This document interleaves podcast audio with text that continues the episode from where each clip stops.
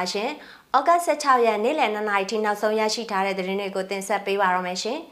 နှွေဦးထီထိုးဖို့ငွေလွှဲတဲ့အကောင့်တွေကိုစောင့်ကြည့်ဖို့စစ်ကောင်စီကညွှန်ကြားတဲ့သတင်းစစ်ကောင်စီတပ်ဖွဲ့အစည်းအဝေးကို SSSG အဖွဲ့ဝင်ပစ်ပြီးဗိုလ်ကြီးတအူးတေပြီးတော့10ဦးထက်မနည်းဒဏ်ရာရတယ်ဆိုတဲ့သတင်း ဖျားကြီးမြို့မှာအိမ်တကားမဖွင့်ပေးလို့လူငယ်တယောက်ကိုစစ်တပ်ကပြစ်တက်တဲ့တဲ့ရင်တမရထွက်ပြေးသွားလို့အာဖဂန်ကိုတာလီဘန်တွေသိမ်းပိုက်လိုက်တဲ့တဲ့ရင်တွေကိုတင်ဆက်ပေးမှာပါကျမဆန်းချိန်ပါရှင်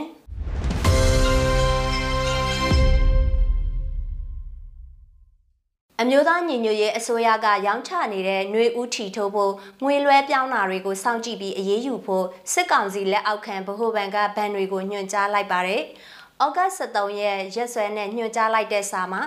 အောင်လန်လွင့်ချီနှွေဦးထီကိုအွန်လိုင်းကနေရောင်းချခြင်းစုငွေထုတ်ပေးခြင်းတွေကိုဘဏ်တွေရဲ့အွန်လိုင်းဘဏ်စနစ်ငွေလွှဲစနစ် digital payment တွေနဲ့ဆောင်ရွက်လာနိုင်တာကြောင့်ထီလုပ်ငန်းအတွက်ပြည်တွင်းပုဂ္ဂလိကဘဏ်ငွေစည်းရင်းတွေကိုအသုံးပြုဆောင်ရွက်ပါကစီစစ်ဖော်ထုတ်ပြီးအရေးယူဖို့ညွှန်ကြားထားတာပါ။ နှွေဦးထီလုပ်ငန်းမှာပါဝင်ပတ်သက်ရင်အကြမ်းဖက်မှုတိုက်ဖြတ်ရေးအပိုဟိုအဖွဲ့ငွေကြေးခဝါချမှုတိုက်ဖြတ်ရေးဗဟိုအဖွဲ့ငွေကြေးဆိုင်ရာစုံစမ်းထောက်လှမ်းရေးအဖွဲ့စီမံကိန်းနဲ့ဗဏ္ဍာရေးဝန်ကြီးဌာနနဲ့ဗဟိုဘဏ်ထံအကြောင်းကြားရမယ်လို့ဆိုပါတယ် အကြောင်းကြားဖို့ပြက်ကွက်ရင်လည်းအရေးယူခံရမယ်လို့စစ်ကောင်စီကဗန်တွေနဲ့ငွေရေးကြေးရေးအဖွဲ့အစည်းတွေကိုချိန်ချောက်ညွှန်ကြားထားပါတယ်ပြည်ထောင်စုလွှတ်တော်ကိုစားပြုကော်မတီ CRPH ကလောင်းကစားဥပဒေကိုပထမအကြိမ်ပြင်ဆင်တဲ့ဥပဒေထုတ်ပြန်ပြီးဩဂတ်15ရက်မှာစတင်ပြီးတော့အောင်လန်လွင့်ချီຫນွေဦးထီအမီနဲ့အွန်လိုင်းစနစ်အသုံးပြုပြီးတော့ထီရောင်းချနေပါတယ်စစ်ကောင်စီကအခုလိုချိန်ချောက်မှုတွေဟန်တားမှုတွေကြောင့်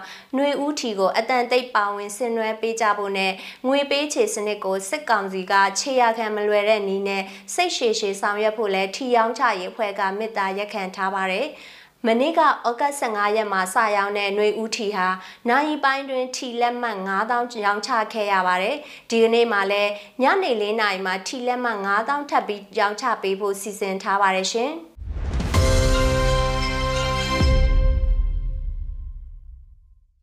ရှမ်းပြည်နယ်တောင်ပိုင်းနန်းဆန်မြို့မှာစစ်ကောင်စီတပ်သားတွေစီးဝေးပြုလုပ်နေချိန်ရှမ်းပြည်တောင်ပိုင်းမြို့ဆက်များ SSG တော်လန်ရေးအဖွဲ့ကဝင်ရောက်ပစ်ခတ်တိုက်ခိုက်ခဲ့ပါတယ်။ပြစ်ခတ်မှုကြောင့်ဗိုလ်ကြီးတအူးအပါဝင်တပ်သား10ဦးထက်မနည်းသေဆုံးခဲ့တယ်လို့ Southern Shan State Generation အဖွဲ့ထံကထုတ်ပြန်ထားပါတယ်။ ဩဂတ်15ရက်မနက်9နာရီကနန်းဆန်မြို့မှာတက်တွင်းအထူးအစည်းအဝေးပြုလုပ်နေချိန်မှာရှမ်းပြည်တောင်ပိုင်းမျိုးဆက်များ SSG တော်လန်ရေးအဖွဲ့ကဝင်ရောက်ပစ်ခတ်တိုက်ခိုက်ခဲ့တာပါ။အပြစ်ဆုံးတင်လို့မဖြစ်သေးလို့ဒါပေမဲ့ပုံတွေကစစ်ကောင်စီဘက်ကနေပေါက်ကြားလာတာပါ။သူတို့ဘက်ကစစ်ကူလှမ်းခေါ်လို့အမြန်လော်ပြီးပြေးခဲ့ရပါတယ်လို့ Southern Shan State Generation အဖွဲ့ကပြောပါတယ် ပြစ်ခတ်မှုအတွင်း SSG အဖွဲ့ကရဲဘော်တဦးကြီးစံထိမှန်ခဲ့ပေမဲ့မစိုးရိမ်ရဘူးလို့သိရပါတယ်။ဒီရက်ပိုင်းမှာစစ်ကောင်စီကလည်းရှမ်းပြည်နယ်တောင်ပိုင်းတပ်တွင်းလုံခြုံရေးအတွက်လုံခြုံရေးပို့ပြီးတင်းကျပ်ထားတယ်လို့သိရပါတယ်ရှင်။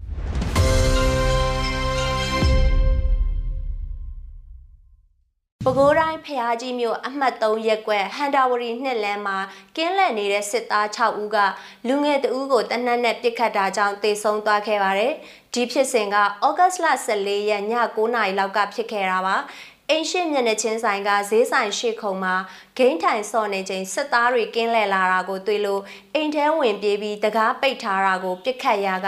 အိမ်ထဲမှာရှိတဲ့တခြားလူငယ်တဦးကြီးထိမှန်ပြီးတေဆုံးသွားတာလို့မိသားစုဝင်တဦးကပြန်ပြောပြပါဗျ။တေဆုံးသူဟာအသက်26နှစ်အရွယ်ကိုရဲထက်ကိုဖြစ်ပြီးဘဲဖက်ရင်အုံကြီးထိမှန်တေဆုံးခဲ့တာဖြစ်ပါတယ်။ ဩဂတ်15ရက်မှာတော့သူ့ရဲ့ရုပ်အလောင်းကိုဖျားကြီးမြို့တုတ်တန်မှာစစ်တပ်ကမိသားစုဝင်တွေကိုခေါ်ပြီးတကြိုစေခဲ့တယ်လို့ဆိုပါတယ်။တေဆုံးမှုအတွက်စစ်ကောင်စီတပ်ဖက်ကမိသားစုကိုတစုံတရာပြောဆိုခြင်းမရှိပေမဲ့တေဆုံးသူရဲ့လက်ကင်ဖုန်းကိုသာမိသားစုကိုပြန်ပေးတယ်လို့သိရပါတယ်။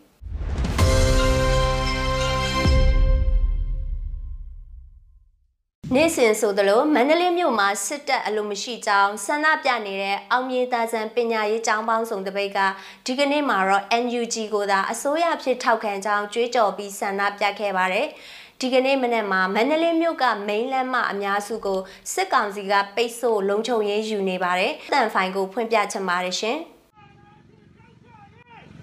။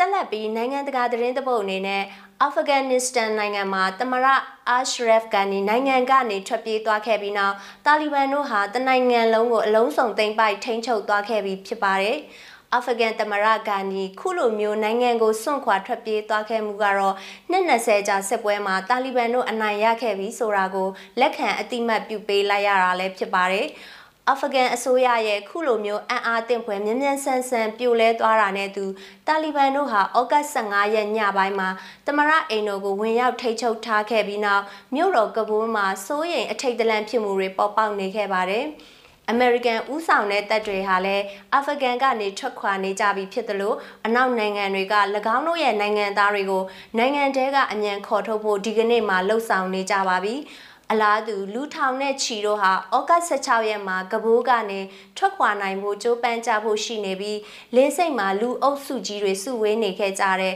ဖယိုဖယဲအခြေအနေမြင်ကွင်းတွေကိုမြင်တွေ့ထားခဲ့ရပါတယ်။ကဘိုးမြို့ကိုတာလီဘန်တို့ဝိုင်းလာခဲ့ခြင်းဩဂတ်15ရက်မှာတမရဂန်နီဟာနိုင်ငံတဲကနေထွက်ခွာသွားခဲ့တာဖြစ်ပါတယ်။ တာလီဘန်တို့ကတော့10ရက်တာတာအတွင်းမှာပဲမြို့ကြီးအားလုံးကို၎င်းတို့လက်ထဲသိမ်းပိုက်နိုင်ခဲ့ပြီးနိုင်ငံတော်ဝန်စစ်ရေးအောင်ပွဲတစ်ခုကိုရခဲ့တာဖြစ်ပါတယ်။တာလီဘန်တွေအနိုင်ရသွားခဲ့ပါပြီခုချိန်မှာတော့အာဖဂန်ပြည်သူတွေရဲ့ဂုံတိတ်ခါပစ္စည်းဥစ္စာနဲ့မိမိဘာသာထိမ့်သိမ်းစောင့်ရှောက်မှုတို့အတွက်လှုံ့ဆော်ပေးဖို့သူတို့မှာတာဝန်ရှိနေပါပြီလို့ဂန်နီကနိုင်ငံကနေထွက်ပြေးသွားပြီးနောက်ပထမဆုံးတင်ခဲ့တဲ့ Facebook post မှာရေးခဲ့ပါတယ်။ တာလီဘန်ပူးတွဲတီထောင်သူအက်ဘ်ဂျိုဂါနီဘာရာဒါက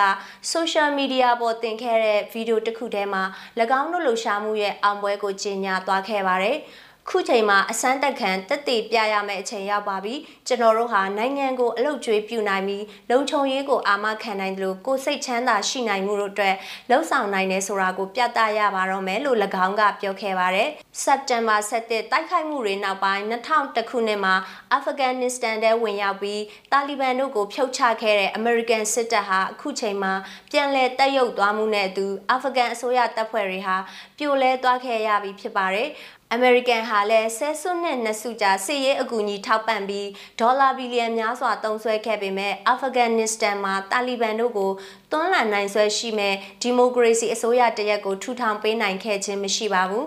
အမေရိကန်သမ္မတဂျိုးဘိုင်ဒန်ကတော့အာဖဂန်ကနေအမေရိကန်စစ်တီအားလုံးကိုဩဂတ်လကုန်နောက်ဆုံးထားပြီးရုပ်သိမ်းဖို့ဆုံးဖြတ်ထားပြီးဖြစ်တယ်လို့၎င်းအနေနဲ့ရွေးချယ်စရာမရှိတော့ကြောင်းနဲ့ဒီစစ်ပွဲကိုနောက်သမ္မတတဦးထံထပ်ပြီးတော့လက်ဆင့်ကမ်းသွားမှာမဟုတ်ကြောင်းပြောသွားခဲ့ပါတယ်ရှင်။